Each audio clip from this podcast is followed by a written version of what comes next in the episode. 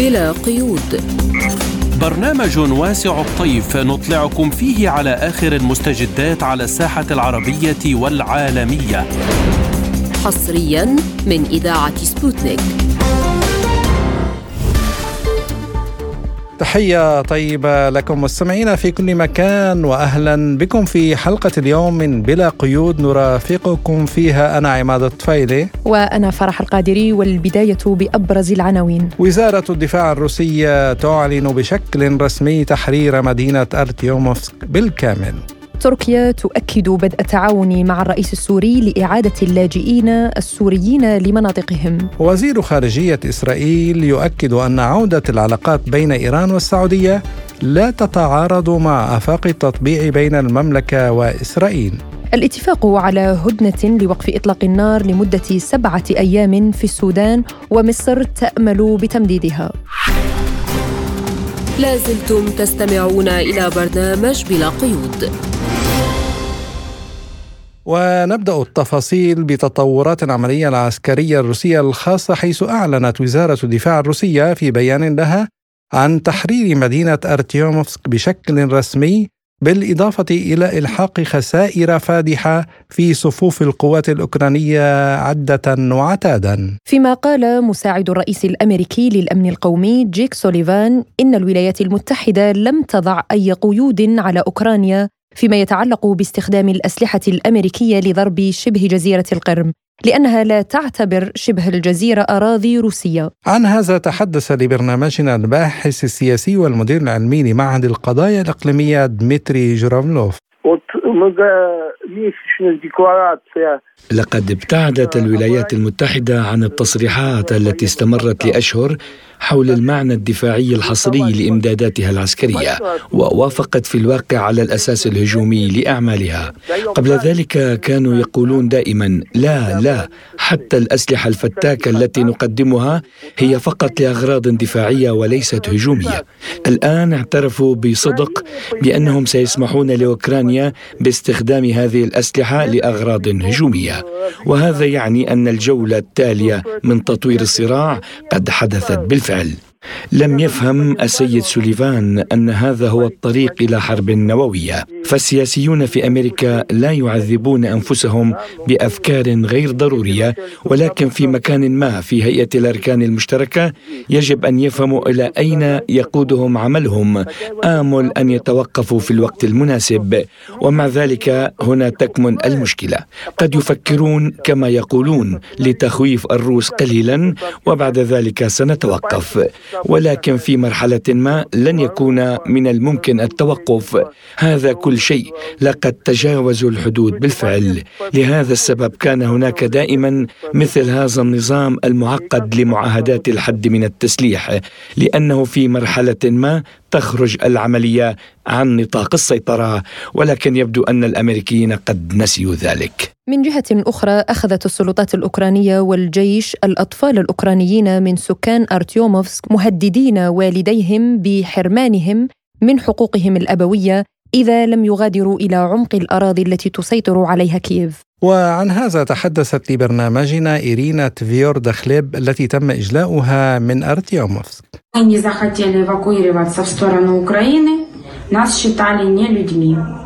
نظرا لأننا لم نرغب في الإخلاء باتجاه أوكرانيا فقد اعتبروا أننا لسنا بشرا ومجردين من الحقوق. وليس لنا الحق في أطفالنا. لذلك كان يجب علينا وفقا لهم التخلي عن أطفالنا. عندما كنا في النقطة الثالثة من قرية كلوبنو التابعة لمقاطعة تسيفيتميت جاء أشخاص من القوات المسلحة الأوكرانية بمرسوم صدر في أوكرانيا بأن لهم كل الحق في اصطحاب الأطفال حتى من دون مرافقة أهاليهم وأقربائهم بحجة أنهم بحاجة إلى الإخلاء السريع من منطقة الحرب. واذا ما رفضوا ذلك يحرمون من حقوق الوالدين. وفي حال وافق الأهالي على إخلاء أطفالهم فمن غير المعروف إذا كان المسلحون الأوكرانيون سينقلون الأطفال إلى الوجهة التي يعلنون عنها. اختطف الجيش الأوكراني في أرتيموفسك علانية صبيا يبلغ من العمر أحد عشر عاما من والديه وأثناء القصف ركض الطفل وراء قطته لكن المسلحين أمسكوا به. وعندما طلب منهم الجيران أن يتركوا الطفل هددوهم بالعنف. قيل لوالدي الصبي إنه إذا لم يأتوا إلى كونستانتينوفكا أقرب مدينة في المنطقة التي يسيطر عليها نظام كييف في غضون 24 ساعة فلن يروا ابنهم مرة أخرى. وللإضاءة أكثر على هذا الموضوع ينضم إلينا من موسكو الخبير في الشأن الروسي الدكتور فايز حوالة. أهلا ومرحبا بك دكتور فايز في حلقة اليوم من البرنامج. آه، تحية لكم ولمستمعيكم ومتابعيكم الأكارم. أهلا بحضرتك ونسألك مباشرة ما أهمية تحرير أرتيوموفسك وما هو مسار المعركة المقبلة برأيك؟ آه، طبعا بكل تأكيد آه، تحرير أرتوموفسك أو ما تعرف بالأوكراني ببخموت هي عملية نفسية كبيرة للغاية ومهبطة للمعنويات للأوكران وداعميهم آه، لأنهم جمعوا كل ما يستطيعون من قوة ومن مخططات وجندوا عدد كبير جدا للغاية من القوات النازية وداعميها. تجاوز العدد مئة ألف. أي أنها آه، صنعوا من هذه المدينة قلعة حقيقية وهي في واقع الأمر هي قلعة. لأننا نعلم تماما بأن هذه المدينة أنشئت آه، في القرن السادس عشر الميلادي وهي عبارة عن قلعة. آه، بالأخص أن طبيعتها الجغرافية من ناحية ومن ناحية أخرى هي تقسم إلى قسمين قسم للمناطق الصناعية وقسم آخر للسكن الذي تم تحريره وفق إعلان قائد آه، قوات فاغنر الروسية. قوات الروسية بشكل عام يعني الجيش الروسي. طبعا طبعا بكل تأكيد. ولكن القوى الضاربة كانت هي من قوات فاغنر. ولكن كان وحسب تصريح وزير الدفاع بعد تحريرها بأنه بمسانده من الدفاع والطيران الروسي بكل تأكيد. هي كلها قوات روسية. ولكن من كان مسؤول عن هذه المنطقة هي قوات فاغنر. كما هناك قوات أحمد مثلا مسؤوله عن مناطق أخرى. ليس هنا الحديث ولكن الحديث أنه تم تحرير هذه المدينة. تم إحباط القوى الظلامية والنازيين الجدد داعميهم سواء كان من الاتحاد الأوروبي أو من الناتو أو من آه، الحليف الأساسي لهم وهو الولايات المتحدة الأمريكية القابعه خلف المحيطات. اذا أهمية هذا الانتصار تحرير هذه المنطقة هو اولا من الناحية القانونية تعتبر هذه المناطق ضمن المخططات الإدارية أو الحدود الإدارية ان صح التعبير وفق الدستور الأوكراني الذي تم تثبيته في العام 2014 أي أن هذه المدينة وما بعدها أيضا هناك مناطق أخرى آه، باقية هي ضمن الحدود الإدارية لمنطقة الدنباس وبالتالي لا بد من تحريرها من النازيين الجدد وإعادتها إلى الخريطة الطبيعية لها أي أن تدخل ضمن الجمهوريات المعترف بها والتي اصبحت جزء لا يتجزأ من روسيا الاتحادية. نعم يعني طيب دكتور فايز الولايات المتحدة الأمريكية كانت قد صرحت بأنها لا تعترض على استخدام كييف للأسلحة لشن ضربات في آه، جزيرة في شبه جزيرة القرم. هل هذا يعني في الواقع أن واشنطن وافقت على الحرب ضد روسيا على أراضيها؟ بكل تأكيد وإذا أردنا أن نأخذ بعيدا عن حتى التصريحات الأمريكية ما يتم استهدافه من مناطق مثل بلغراد أو كورسك أو أي منطقة أخرى آه، أو حتى دالنيسك وعاصمتها آه، هي كلها أصبحت ضمن الأراضي الروسية. ولكن آه، الولايات المتحدة الأمريكية هي تحاول بشكل من الأشكال أن تجمع أن تظهر نفسها في البداية لأنها حامية للدول المستقلة والمعترف بها ضمن الولايات المتحدة الأمريكية. هي تحاول نفسها باظهار نفسها بأنها ديمقراطية وأنها تدافع عن حقوق الدول. ولكن في حقيقة الأمر تتماسى الولايات المتحدة الأمريكية المجازر والإبادات الجماعية التي آه، كانت هي أيضا تدعمها في منطقة الدنباس منذ الانقلاب الدموي في العام 2014 في كييف إلى بدء العملية العسكرية الخاصة، هذه الفترة التاريخية ثمانية سنوات يغضون الطرف عنها ولا يتذكرونها على الإطلاق، لذلك اليوم نجد بأن الولايات المتحدة الأمريكية آه، تضع كل ثقلها وكل مواهبها حتى وكل إمكانياتها وإمكانيات الدول التابعة لها سواء كان من الناتو أو من آه، خارج حلف الناتو من أجل إلحاق ما يسمونه بالهزيمة الاستراتيجية لروسيا الاتحادية في آه، أوكرانيا. ولكن هذا الأمر وعلى مدى الفترة التي مرت وخاصة ال 224 يوم التي مرت لتحرير أرتوموسك أثبتت العكس تماما وأثبتت أن الأجهزة والآليات والمعدات بمختلف أنواعها والمعلومات الاستخباراتية واللوجستية التي تأتيهم حتى من الأقمار الصناعية التي تم توظيفها لهذه الغاية لا جدوى لها وأن الجيش الروسي يحرر هذه المناطق من النازية الجديدة، اذا هو صراع لا تريد الولايات المتحدة الأمريكية أن تعترف به بأنه هو صراع الولايات المتحدة الأمريكية وصراع حجين ضد روسيا الاتحادية وعلى الأراضي الأوكرانية. أما بالنسبة لاستهداف القرم طبعا هم يتحدثون فقط ولكن يحاولون فقط إيجاد مبرر ما لتزويد نظام أوكرانيا بالطائرات الاف 16 يعني نعم دكتور فايز يعني فيما يخص آه، هذا ال F 16 يعني في آخر تصريح لنائب وزير الخارجية الروسي سيرجي ريبكوف يقول إن أهداف العملية العسكرية الخاصة ستتحقق على الرغم من ضخ الأسلحة إلى أوكرانيا وتدريب طيارين أوكرانيين على مقاتلات F 16 يعني تعليقك على هذا الأمر. حتى يتم تدريب الطيارين الأوكران على ال F 16 يحتاجون على أقل تقدير إلى عام كامل، اذا هناك سوف يتم استخدام طيارين بشكل متطوعين أو أي شيء آخر أو متعاقدين مع الحكومة النازية الأوكرانية من أجل قيادة هذه الطائرات لتنفيذ مهمات. وخاصة أنتم تعلمون بأن الاف 16 ليست طائرة بسيطة هي طائرة من الجيل الرابع. وفي الحقيقة يمكنها أن تحمل صواريخ تحمل أيضا رؤوس نووية بالمناسبة وهذا معلوم للجميع. لذلك اليوم كان تصريح أيضا من المسؤولي القرم حول أنه روسيا الولايات المتحدة الأمريكية في حال سمحت باستخدام واستهداف جزيرة القرم بطائرات الاف 16 فهذا يعني بأنه إعلان للحرب النووية من قلب من قبل الولايات المتحدة الأمريكية، هذا من ناحية، من ناحية أخرى ولكن ماذا تريد وترغب الولايات المتحدة الأمريكية من خلال تزويد بهذه الطائرات؟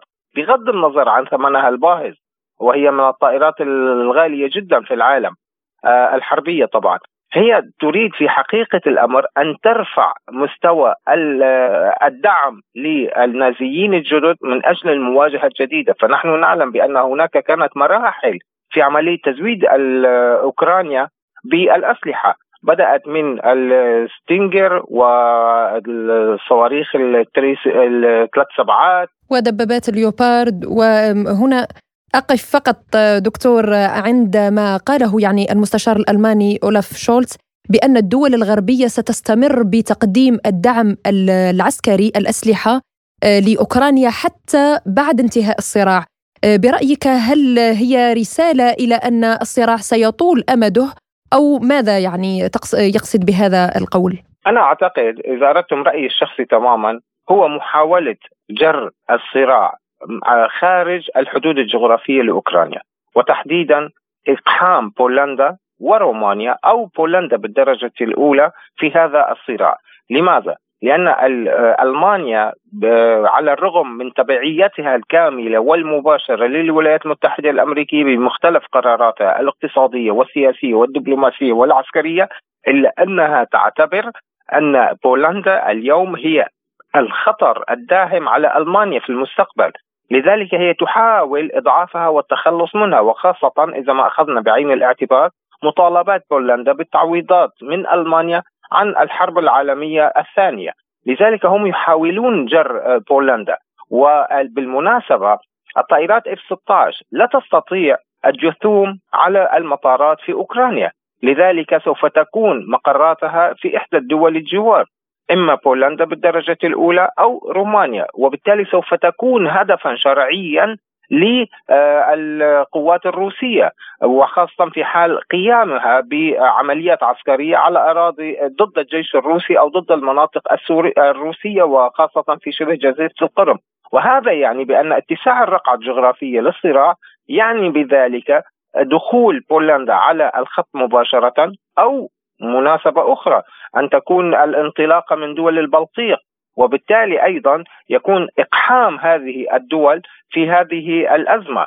ولكن ألمانيا بالتحديد هي تحاول أن توقع بولندا في هذا في هذا الصراع من أجل إضعافها لا أكثر ولا أقل. لذلك عندما يتحدث المستشار الألماني شولز حول إمداد اوكرانيا أو متابعة إمداد أوكرانيا بكل ما يلزمها من أجل تحقيق ما يسمونه بالنصر أو تحرير الأراضي الأوكرانية وما إلى غير ذلك هدفه فقط هو إطالة أزم عمر الأزمة عدم الوصول إلى حل يرضي الجميع وبالإضافة إلى ذلك هو الاستفادة من الفشل الذي أصبح واضحا للغاية وخاصة في القطاع الاقتصادي في ألمانيا وبعد تماما بعد مباشرة بعد أن استطاعت الولايات المتحدة الأمريكية جر وسحب ونهب القطاعات الاقتصادية التي كانت تعطي للميزانية في ألمانيا المداخيل الأساسية لأننا نعلم بأن الاقتصاد الألماني هو أقوى اقتصاد في الاتحاد الأوروبي ولكن اليوم ضعف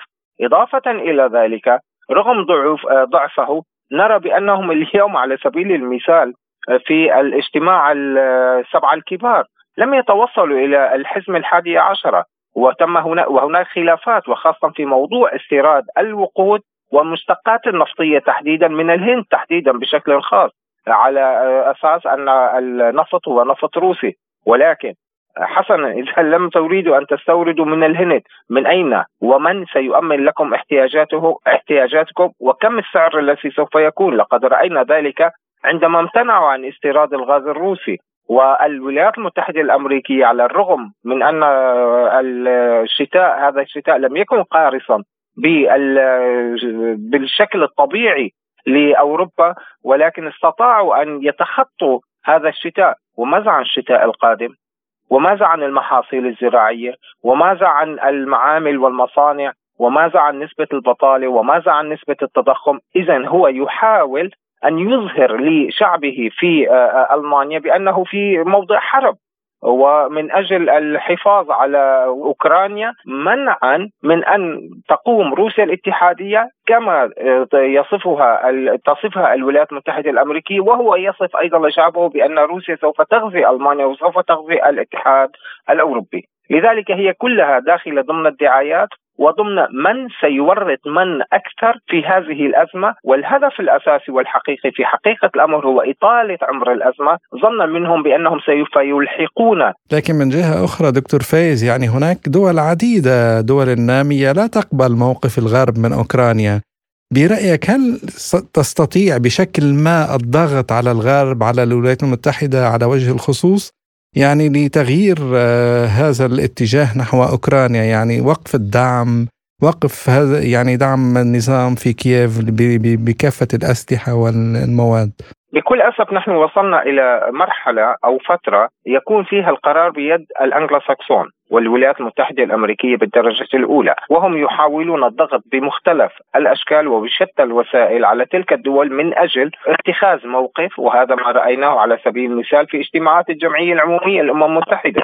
وفي الاتحادية التصويت سرا رفضت ذلك لأن الولايات المتحدة الأمريكية تريد أن تضع كنترولا أو رقابة مباشرة من وكيف سوف يصوت. لذلك هذه الدول مفهوم أمرها. ولكن في حقيقة الأمر اليوم عندما يرون وترى شعوبهم الحقائق وخاصة في عملية تأمين أو ما تخيف به الولايات المتحدة الأمريكية بما يسمى بالمجاعة القادمة على تلك الدول الفقيرة التي أصبحت تؤيد آه، روسيا الاتحادية في عمليتها العسكرية لأن الولايات المتحدة الأمريكية سهبت ونهبت وسلبت الحبوب والمواد الغذائية من أوكرانيا بحجة إيصالها إلى الدول النامية والفقيرة. صغيرة ولكن في حقيقة الأمر لم يصل أي شيء. في نفس الوقت هم يمنعون ويضعون عقوبات على الحبوب الروسية وخاصة في موضوع أنتم تعلمونه جيدا موضوع إعادة آه، بنك روسلخوز بنك إلى السويفت والذي ترفضه الدول السبع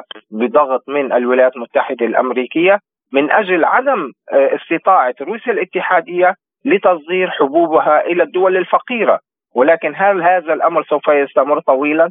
أعتقد من ناحية أخرى وهنا أمر مهم للغاية اليوم آه، إذا كان آه، لاحظنا أن روسيا الاتحادية تحاول توسيع الشراكات الاقتصادية تحت مسميات مختلفة، يعني إن بدأت من البريكس وإن بدأت من الاتحاد الاورو اسيوي ودول مجموعة الاتحاد جمهوريات الاتحاد السوفيتي السابق ومنذ يومين من خلال الاجتماع بين روسيا والعالم الإسلامي هو اجتماع اقتصاد اجتماع اقتصادي وخرج قرارات اقتصادية مهمة للغاية واهمها هو التبادل بالعملات المحلية.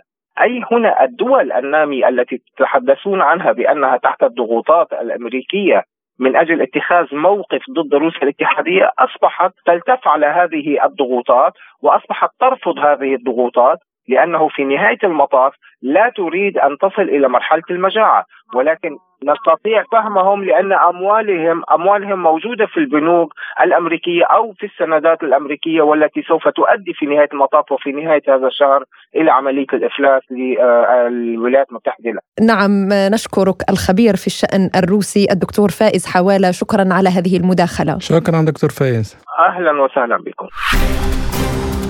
لازلتم تستمعون إلى برنامج بلا قيود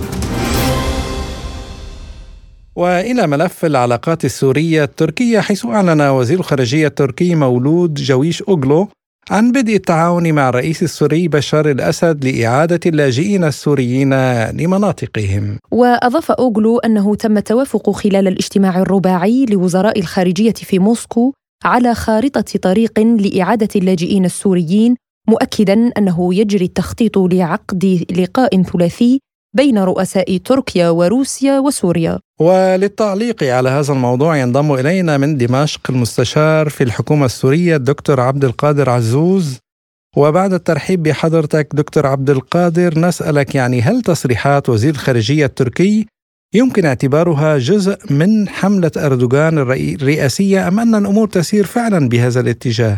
مما لا شك فيه بأن الكل يعلم بأن التوجه الاستراتيجي اليوم للدولة السورية هو كيفية تهيئة الظروف لعودة آمنة وطوعية لأهلنا السوريين الذين هم في الخارج عودتهم إلى سوريا والمشاركة بفعالية في عملية إعادة الأعمار وإعادة البناء فيها. وطبعا هذا الأمر يتطلب جملة من يعني متطلبات، هناك متطلبات على الحكومة السورية وهناك متطلبات موضوعية آه، تتعلق بالدول المضيفة والجهود الدولية في هذا المجال.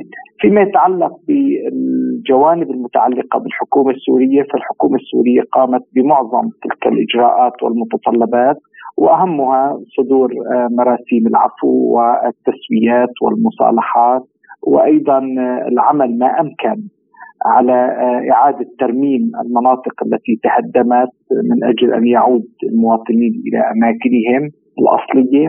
وأيضا يعني بذلت جهود فيما يتعلق بالتواصل مع الدول المضيفة وخاصة يعني المنظمات الدولية العاملة في هذا المجال.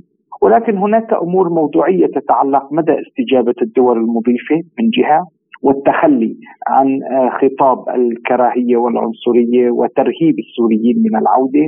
والأهم هو الجهود الدوليه في رفع الحصار الاقتصادي المفروض على الشعب السوري والذي أضر بالواقع الحياة المعيشية في سوريا مما منع إلى الآن آه، أن يكون هناك حافز أو رغبة لدى السوريين للعودة، وهذا يتطلب قلت لك جهود دولية في رفع إجراءات الحصار الإرهابي الاقتصادي المفروض على الشعب. آه، دكتور عبد القادر يعني في حال عدم انتخاب أردوغان ما هو المتوقع بالنسبة لسوريا؟ ماذا ينتظرها برأيك؟ اولا آه، سوريا يعني عندما انخرطت في مفاوضات مع الجانب التركي هي بمعزل عن ماهيه المرشح. يعني هي انخرطت مع المؤسسات التركية المعنية بهذه المسألة سواء سحب قوات الاحتلال التركي وأيضا التعاون فيما يتعلق بتهيئة عودة السوريين المتواجدين في تركيا إلى سوريا، لذلك آه، الشأن الانتخابي التركي هو شأن داخلي وسوريا لا تتدخل في هذه القضايا على الإطلاق. وتتمنى أن تكون يعني أن تأتي النتائج وفق تطلعات الشعب التركي ولكن ما يعني سوريا هو آه، علاقات حسن الجوار من جهة والعمل على إزالة آه، الاحتلال والعدوان وآثاره أيضا والمساعدة المشتركة أو التعاون المشترك فيما يتعلق بعودة السوريين. بعد الدعم العربي لسوريا في قمة جدة هل يمكن أن نتوقع حلا لمشكلة اللاجئين السوريين وإعادة الإعمار في سوريا؟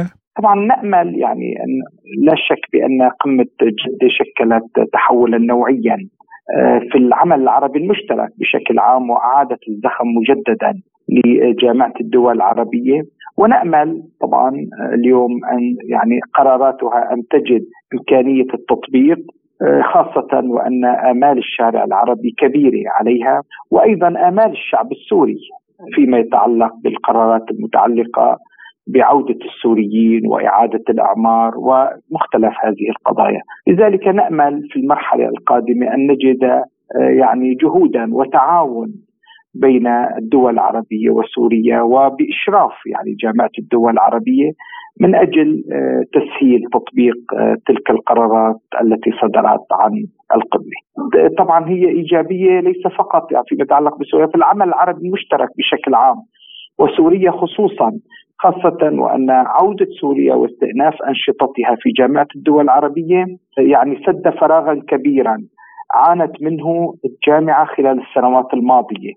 فعودة سوريا مجددا بثقلها وبوزنها على المستوى العربي وأيضا على المستوى الإقليمي أعاد وأعطى دفعة كبيرة اللي وتفاؤلا كبيرا لدى الجميع في إمكانية استعادة العرب لدورهم فيما يتعلق بالمشاريع التي تلبي مصلحة شعوب شعوبهم وشعوب المنطقة أيضا والاستقرار عموما. نعم نشكرك المستشار في الحكومة السورية الدكتور عبد القادر عزوز كنت معنا من دمشق.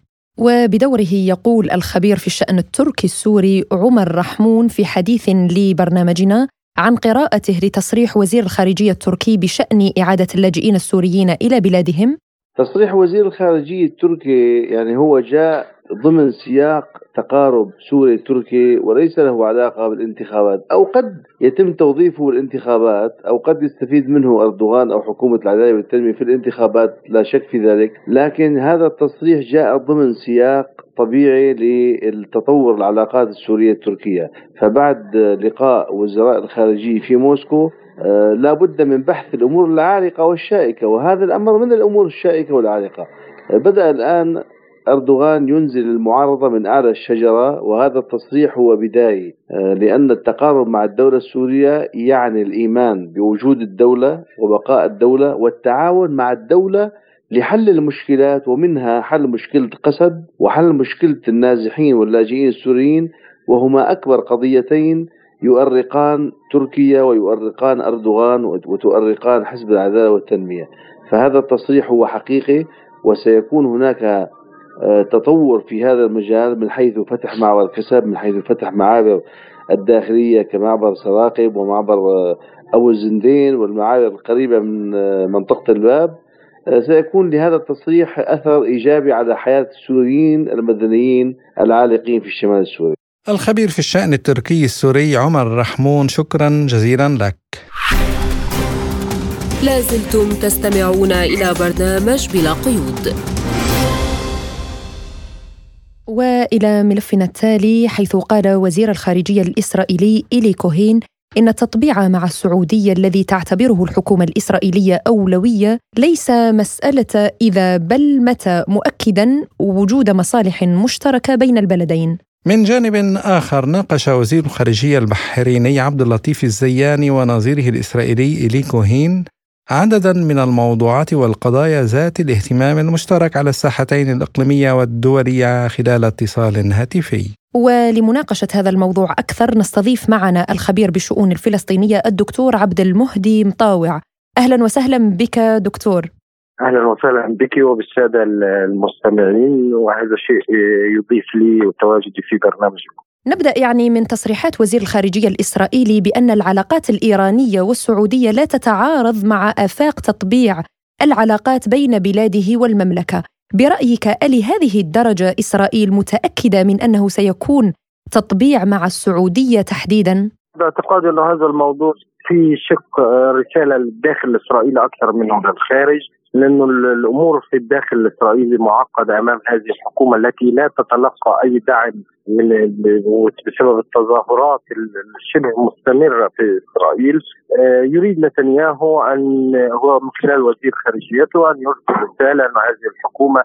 ما زالت تحظى بعلاقات طيبة مع جيرانها أو ما على الأقل يمكنها التواصل والوصول إلى أفاق أخرى تتعلق بالتطبيع، لكن العائق الأساسي في تطبيع العلاقات مع السعودية بين اسرائيل والسعودية هو الملف الفلسطيني والذي يتجاهله نتنياهو وحكومته. هذا أمر أساسي ربما هو آه، سيشكل أي تقدم في هذا الملف آه، أساسا لأي تطبيع في المرحلة القادمة. إضافة إلى أن العلاقة مع الإدارة الأمريكية الحالية لا تشجع أو تعطي دافعا آه، لإقامة مثل هذه العلاقه لأن السعودية تنظر لنفسها كدولة محورية قائدة في المنطقة ولا يمكن أن تقدم على خطوة مثل هذه دون مقابل مقابل يحسن من مكانتها وليس ولا ينقص من مكانتها. نعم يعني برأيك إلى أي مدى التعاون بين تل أبيب والرياض مهم لإسرائيل أو هل هو رسالة كما أشرت يعني لإضعاف طهران في المنطقة؟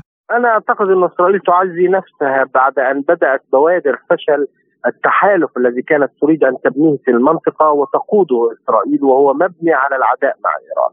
مجرد وجود تحسن في العلاقات بين السعودية وإيران وبدء آه، نوع من أنواع التفاهم على النقاط والتقارب بين الدولتين والابتعاد عن نقاط الخلاف أنا أعتقد بأن هذه تفشل هذا المشروع تماما وهذا المشروع كانت إسرائيل من خلاله تريد أن تقود المنطقة بطريق غير مباشر.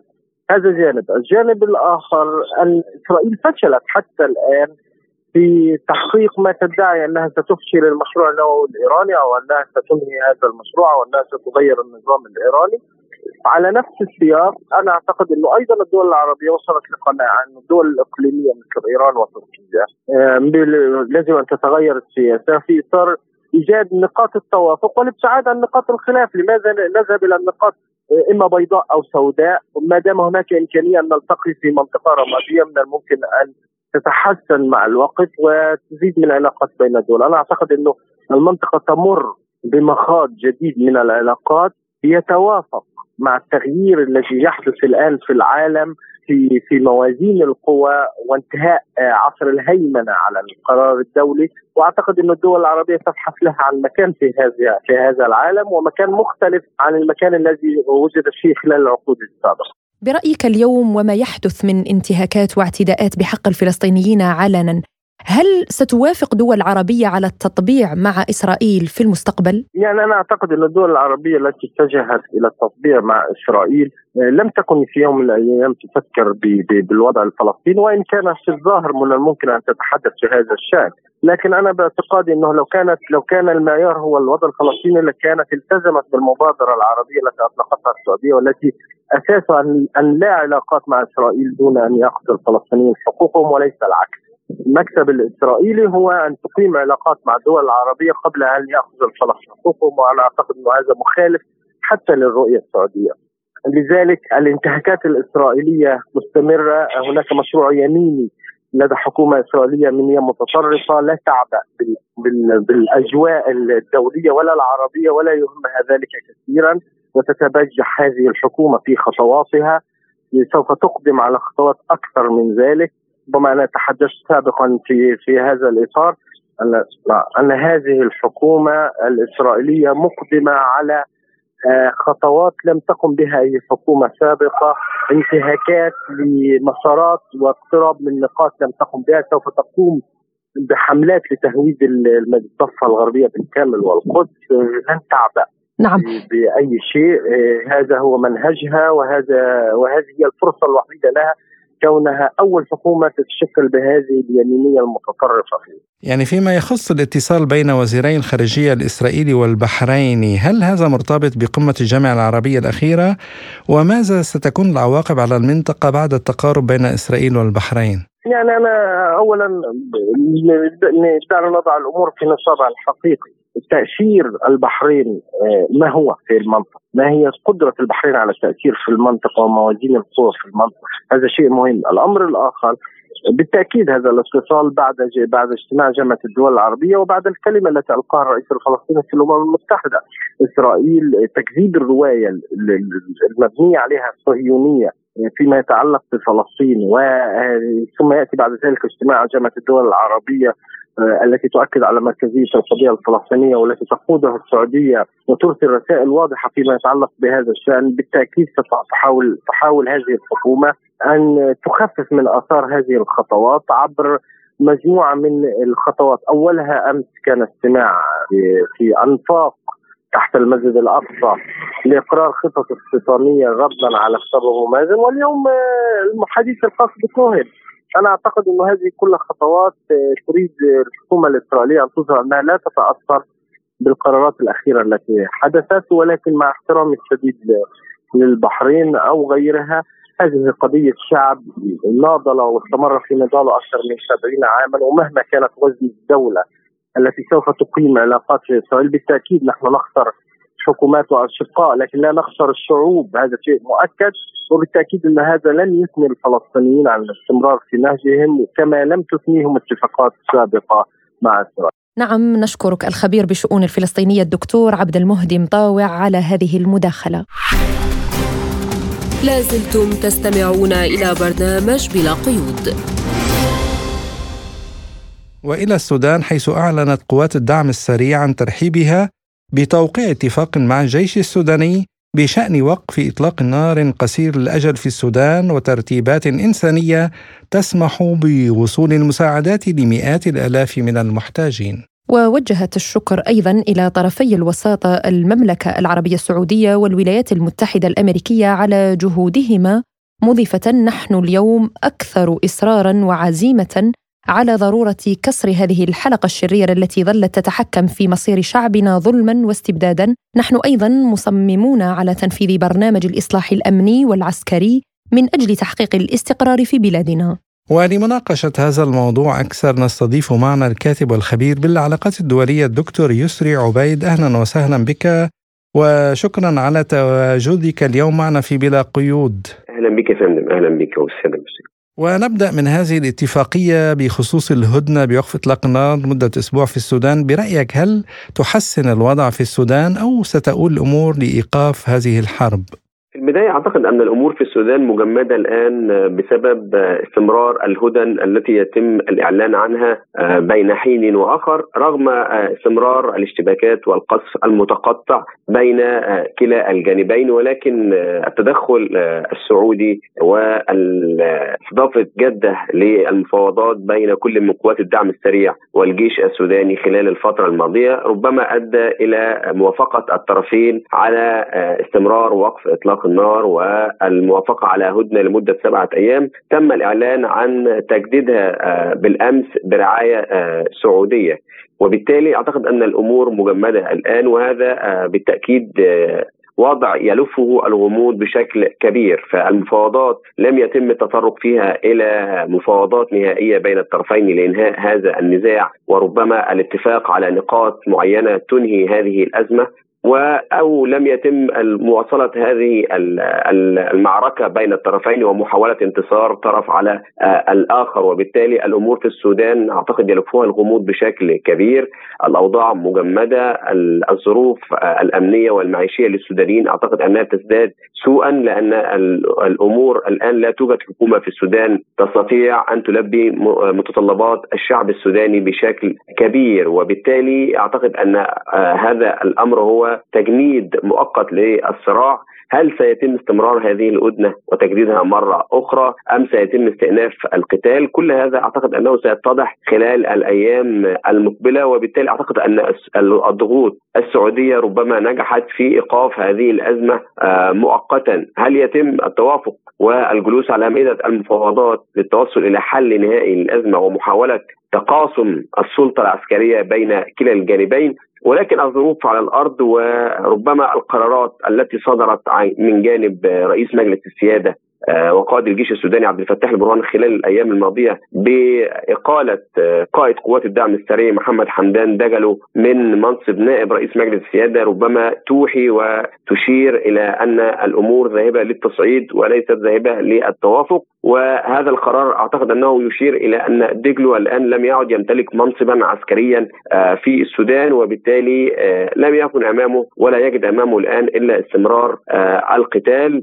وأعتقد أن هذه كل هذه الأمور ستتضح خلال الأيام المقبلة بعد انتهاء هذه الهدنة المستمرة لمدة سبعة أيام. يعني تحدثت عن الدور السعودي في هذه الهدنة ومن جانب آخر دولة جوار وهي مصر.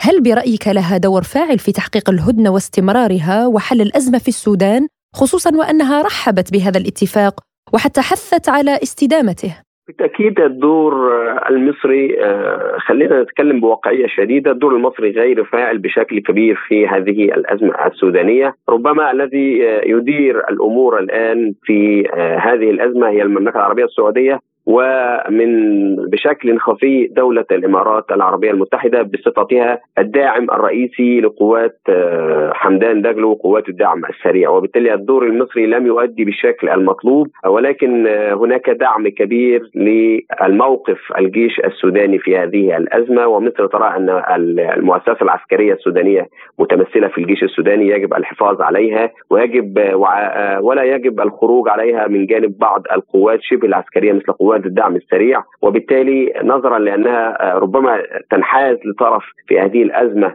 ضد طرف آخر فبالتالي الطرف الآخر وهو قوات الدعم السريع. يعتبر أن مصر طرف غير محايد وبالتالي لجأ إلى المملكة العربية السعودية بوصفها طرف محايد بين جميع الأطراف وهذا قلل بشكل كبير وربما يعني أساء كثيرا للدور المصري في هذه الأزمة. والمملكة العربية السعودية الآن ترى أنها الوحيدة القادرة ربما على حل الصراعات والنزاعات الموجودة في المنطقة. العربية فهي صاحبة مبادرة عودة سوريا مرة أخرى للجامعه العربية وهي التي استضافت المفاوضات بين قوات الدعم السريع والجيش السوداني في جدة. وهي التي تتحرك بين حين وآخر لحل بعض الأزمات الموجودة في المنطقة نظرا للاستراتيجية التي ربما آه، يتولاها محمد بن سلمان ولي العهد السعودي وهي تصفير المشكلات والنزاعات والصراعات في العالم العربي. وبالتالي يؤسفني بشكل كبير أن أقول أن الدور المصري تراجع بشكل كبير آه، في هذه الأزمة وهذا تجلى بشكل آه، أكبر في آه، أن السعودية الآن هي التي تقود المفاوضات وهي التي تدعو الجانبين دائما بوقف إطلاق النار والكل يلتزم بهذه الرؤية السعودية وأعتقد أن آه، السعودية في النهاية هي التي ستكون لها الكلمة بخصوص استمرار هذه المفاوضات وتجميد الصراع بشكل آخر أو استئناف القتال بين كل بين كلا الطرفين. تحدثت عن قمة جده ومن بين الملفات التي نوقشت هي الأزمة في السودان، كيف من الممكن أن تجد أطراف النزاع حلا وسطيا بالنهاية الشعب هو من يدفع الثمن؟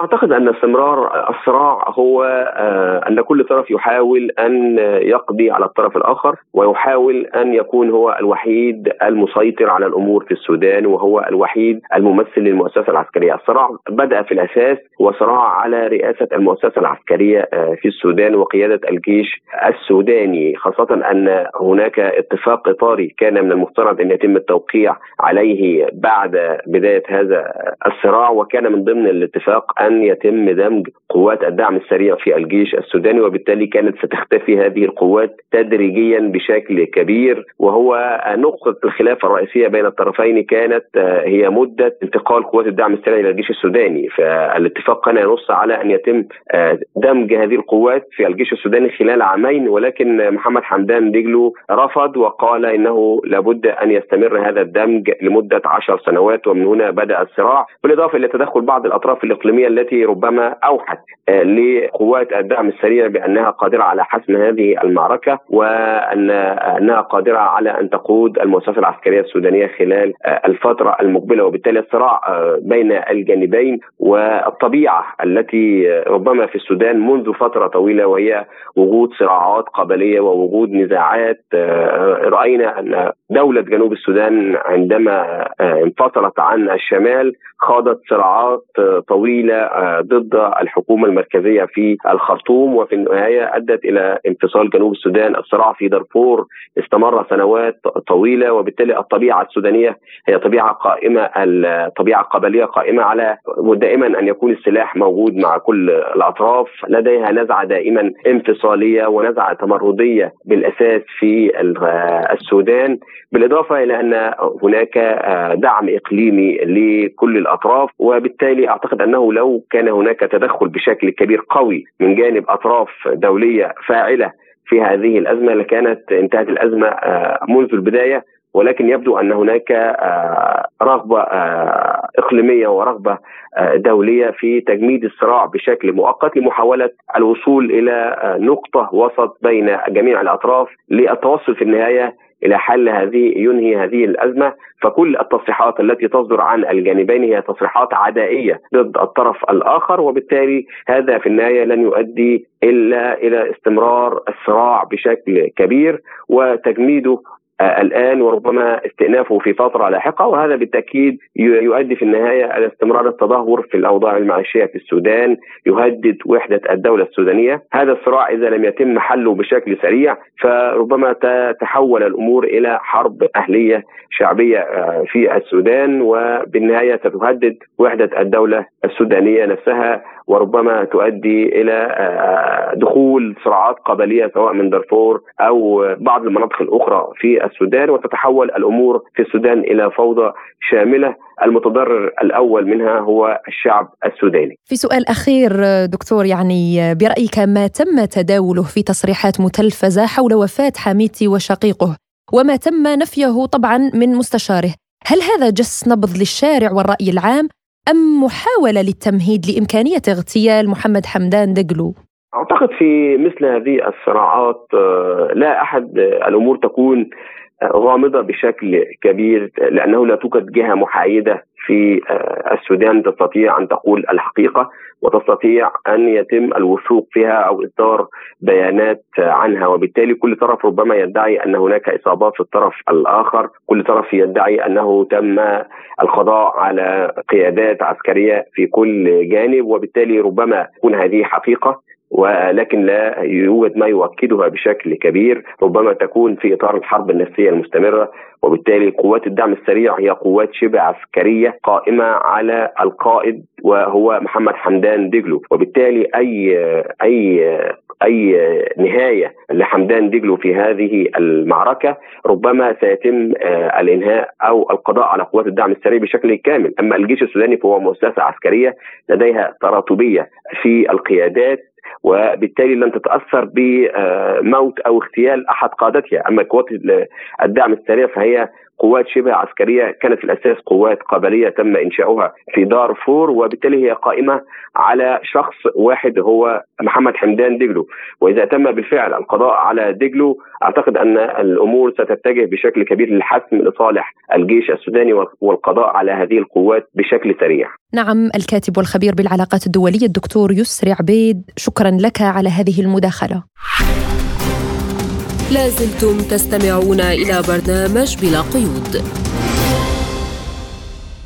وإلى الشأن الاقتصادي حيث اعتبر وزير الخارجية والعلاقات الاقتصادية الخارجية الهنغاري بيتر سيارتو أن العقوبات الغربية ضد روسيا تجعل أوروبا تدفع ثمنا أعلى مما تدفعه موسكو نفسها. وأضاف الوزير الهنغاري أن بلاده مستعدة لمواجهة ضغوط شديدة في الاجتماع المقبل لوزراء خارجية الاتحاد الأوروبي في بروكسل لمناقشة الحزمة الحادية عشر من العقوبات ضد روسيا والمساعدة العسكرية لأوكرانيا من صندوق السلام الأوروبي. وللتعليق على هذا الموضوع إليكم ما يقوله لبرنامجنا الخبير الاقتصادي والأستاذ الجامعي الدكتور مراد كواشي عن من سيتضرر في النهاية من سياسة فرض العقوبات الاقتصادية على روسيا. الأمر سلسلة العقوبات هذه سياسة ليست بالجديدة وهي سلاح استخدمته الدول الأوروبية والولايات المتحدة ليس على روسيا فقط وإنما على العديد من الدول في على مر ربما على مر السنوات السابقة. ولكن هذه المرة خاصة بعد اندلاع الحرب الروسية الأوكرانية ربما أكثرت الدول الأوروبية ومعها الولايات المتحدة الأمريكية من هذه السياسة. ولكن المؤسف أن هذه ربما العقوبات الاقتصادية لم تتأثر بها روسيا وحلفائها بقدر ما تأثرت بها سلبا الاقتصاد الأمريكي والدول الأوروبية. الاقتصاد الأمريكي الذي أصبح الآن يعيش في أزمة دين داخلي آه، عويصة جدا ارتفع الدين الداخلي في الولايات المتحدة الأمريكية وتجاوز السقف المسموح به والآن الحكومة الأمريكية في آه، ورطه افلاس العديد من البنوك الأمريكية في الأيام القليلة الماضية. أيضا على الصعيد الأوروبي الاقتصاد الأوروبي شهد تراجعا لا مثيل له على مر التاريخ وهناك حتى اضطرابات اجتماعية حدثت داخل الدول الأوروبية وأصبحت ضغوط اجتماعية كبيرة على تمارس من طرف الشعوب الأوروبية على حكومتها، لذا أعتقد أن سياسة هذه سياسة العقوبات الأمريكية أو الأوروبية على روسيا خاصة ما يتعلق مثلا بتسقيف مثلا البترول أو الغاز أو حرمان روسيا من بعض آه، أسواقها التقليدية. أعتقد أن هذا أثر على الاقتصاد العالمي ككل بشكل عام وأبطأ معدل النمو الاقتصادي العالمي وزاد معدل التضخم على المستوى العالمي وأدى إلى ارتفاع أسعار الطاقة. وهذا ما رجع بالعكس يعني آه، أصبح الآن هذه العقوبات أثرت سلبا على الاقتصاديات الأوروبية والاقتصاديات الأمريكية في حد آه، ذاتها ضف إلى ذلك أن حزمة المساعدات التي تقدمها الدول الأوروبية والولايات المتحدة الأمريكية في كل مرة إلى أوكرانيا أصبحت تفقد كثيرا خسائر هذه آه، الدول. وفي ظل الضغط الغربي على هنغاريا لجرها لجانب فرض عقوبات على روسيا وإلى أي مدى يمكنها أن تستمر في التمسك بموقفها من العقوبات ضد روسيا يقول الدكتور كواشي. أعتقد أن ليست هنغاريا وحدها بل هناك العديد من الدول التي تأثرت ربما إلى حد ما ربما ودفعت ثمن موقفها المحايد. وحتى هناك بعض الدول المصدرة للغاز هنغاريا نتكلم على حتى الجزائر مثلا والتي ربما آه، الدول الأوروبية نادت في تسقيف أسعار ألغاز وهذا وهذا قرار ليس ليس له أي علاقة بالنظام الرأسمالي والنظام الحر الذي تنادي به الدول الغربية والتي والذي يكون من المفروض أن سعر السلع تحدد من خلال قوى العرض والطلب في آه، السوق. لذلك فإن الدول الغربية الدول الأوروبية خاصة ومع الولايات المتحدة الأمريكية كل مرة يتنكرون لمبادئهم وهم الآن أعتقد أنه أنا أشاطر الكلام الذي قلته سابقا أن هذه العقوبات تؤثر سلبا أكثر على الدول الأوروبية لأنه منذ اندلاع النزاع ما المتضرر الأكبر من الأزمة هي الدول الأوروبية. الاقتصاد الألماني أصبح ربما الذي كان هو آلة ومحرك الاقتصاد الأوروبي شهد تراجع كبير. في فرنسا موجة من الاحتجاجات الاجتماعية ناظرة لها حتى في إسبانيا وإيطاليا. اذا أعتقد أن المتضرر الأكبر هي الدول الدول الأوروبية خاصة وأما الدول الأخرى فإنه أعتقد أن ربما يمكن أن تتضرر على غرار هنغاريا لكن بدرجة أقل مقارنة بالدول الأوروبية التي دفعت الثمن غالي. وفيما إذا كانت روسيا تحتاج إلى أوروبا الآن بالنظر إلى حقيقة أن موسكو أعادت توجيه نفسها نحو الشرق ووجدت المزيد من الأسواق الواعدة يقول كواشي. أعتقد أن الآن أن روسيا تسير في الطريق الصحيح، هناك توجه استراتيجي واضح نحو الشرق. وجدت أسواق أخرى. نتكلم على الصين ونتكلم على الهند. الصين التي هي تعتبر أكبر مستورد للنفط العالم. يعني استطاعت أن تجد حلفاء آخرين واستطاعت أن تجد أسواق واعدة جديدة خاصة الأسواق الآسيوية التي تشهد معدلات نمو اقتصادي مرتفعة جدا وروسيا أيضا من خلال حلفائها في مجموعة آه، بريكس. أعتقد أنها لن تتأثر كثيرا اقتصاديا لكونها وجدت ربما آه، حلفاء ووجدت آه، أسواق واعدة لمنتجاتها. وبالتالي فإنها أعتقد أن هناك توجه صحيح وسليم جدا. الروس لم لم يقعوا في مصيدة العقوبات الاقتصادية ولم لم يتأثروا. وربما من يتأثر أكبر هم الاقتصاديات الأوروبية والأمريكية على حد سواء وأما روسيا وحلفائها فقد استفادوا إلى حد ما خاصة الصين التي استفادت من الأزمة بشكل كبير. وعن إمكانية أن تدرك دول الغرب أن أفعالها نتيجة ذلك يمكن أن تؤدي إلى انهيار حتمي للنظام الاقتصادي العالمي يقول كواشي نعم أعتقد أن الغرب الآن دخل في في نفق مظلم. الدول الأوروبية دخلت في نفق مظلم. وحتى بعض الدول الأوروبية والحكومات الأوروبية أعتقد ربما تأكدت بأنها الآن سوف العالم يسير نحو انهيار النظام العالمي الحالي. لأنه في حقيقة الأمر هذا النظام هو نظام جائر. الولايات المتحدة الأمريكية خاصة بعد الحرب العالمية الثانية وبعد خاصة بعد سقوط الاتحاد السوفيتي استفردت بالعالم وأرادت السيطرة على العالم بكل الوسائل سواء بالأذرعها المالية أو المتمثلة في البنك العالمي وصندوق النقد الدولي أو أذرعها الاقتصادية والتجارية منظمة التجارة العالمية وإلى غير ذلك. أو حتى أذرعها العسكرية يعني آه، شنت حروب على العديد من الدول بطرق آه، أو لأسباب واهية ولأسباب غير موجودة مثل نتكلموا على العراق ونتكلموا حتى على آه، سوريا نتكلموا على بعض الدول الأخرى. فرضت عقوبات اقتصادية على العديد من الدول الإدارة الأمريكية فرضت استخدمت أسلوب العقوبات الاقتصادية تقريبا عدد عدد الكثير من المرات على دول لا لشيء إلا لأنها لا تسيرها في طرحها السياسي. أما الدول الحليفة للولايات المتحدة الأمريكية فقد كانت تحصل على قروض من البنك العالمي أو من صندوق النقد الدولي بشروط ميسرة. في حين الدول الاخرى تفرض عليها شروط شروط كبيرة وكثيرة جدا. اذا أعتقد أن العالم الآن يتوجه نحو نظام نظام عالمي جديد أكثر عدالة وأكثر آه، مساواة وحتى الدول الأوروبية يدركون ذلك. لكن للأسف الشديد هناك الآن الكثير من المجتمعات الأوروبية تنادي بضرورة قطع الصلة بين أوروبا والولايات المتحدة الأمريكية لأن أوروبا الآن في طاعة عمياء للولايات المتحدة الأمريكية. تقريبا منذ الحرب العالمية الثانية والآن الأوروبيين يدفعون ثمن مسايرتهم للولايات المتحدة الأمريكية.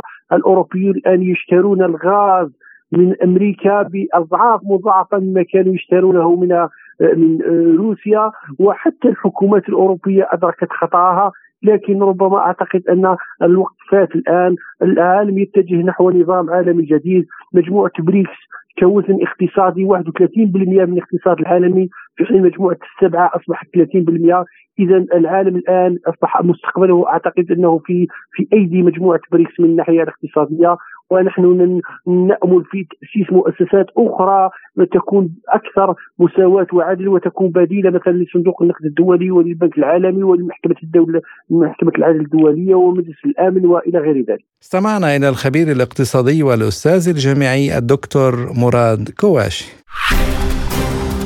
لازلتم تستمعون إلى برنامج بلا قيود.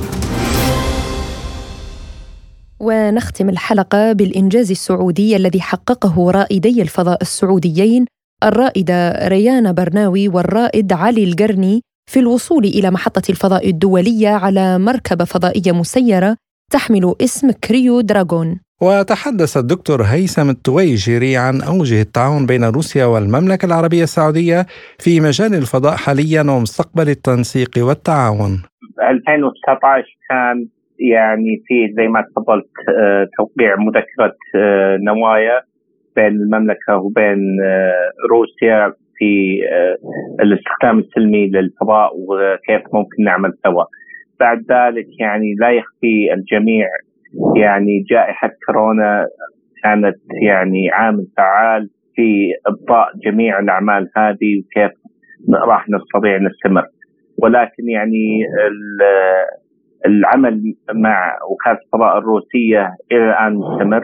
إلى الآن إحنا في حديث معهم ونجد يعني البرامج التي تتوافق مع آه، مصلحة آه، المملكة ومع مصلحة كذلك البرنامج الروسي بحيث إنه ممكن يكون إن شاء الله في مهمات مستقبلية بحيث يعني نتعاون فيها ونعمل عليها. وأشارت ويجري إلى أن هناك مباحثات مستمرة بين المملكة وروسيا والعمل على البرامج التي تتوافق مع مصلحة البلدين. والله آه، يعني زي ما يقولون everything is on the table ويعني إحنا مع آه، الجانب الروسي يعني نعمل وفي اتصال مباشر هو هو يعني على قولكم يد واحدة ما تصدق. يعني إحنا كذلك نشوف وش راحهم يقدمون وبحيث إنه يعني way forward استمعنا إلى ما قاله مستشار هيئة الفضاء السعودية الدكتور هيثم التويجري وبهذا الإنجاز السعودي العربي نختم حلقة اليوم من برنامج بلا قيود. كنا معكم فيها أنا فرح القادري. وأنا عماد طفيلي. شكرا لإصغائكم وإلى اللقاء. إلى اللقاء.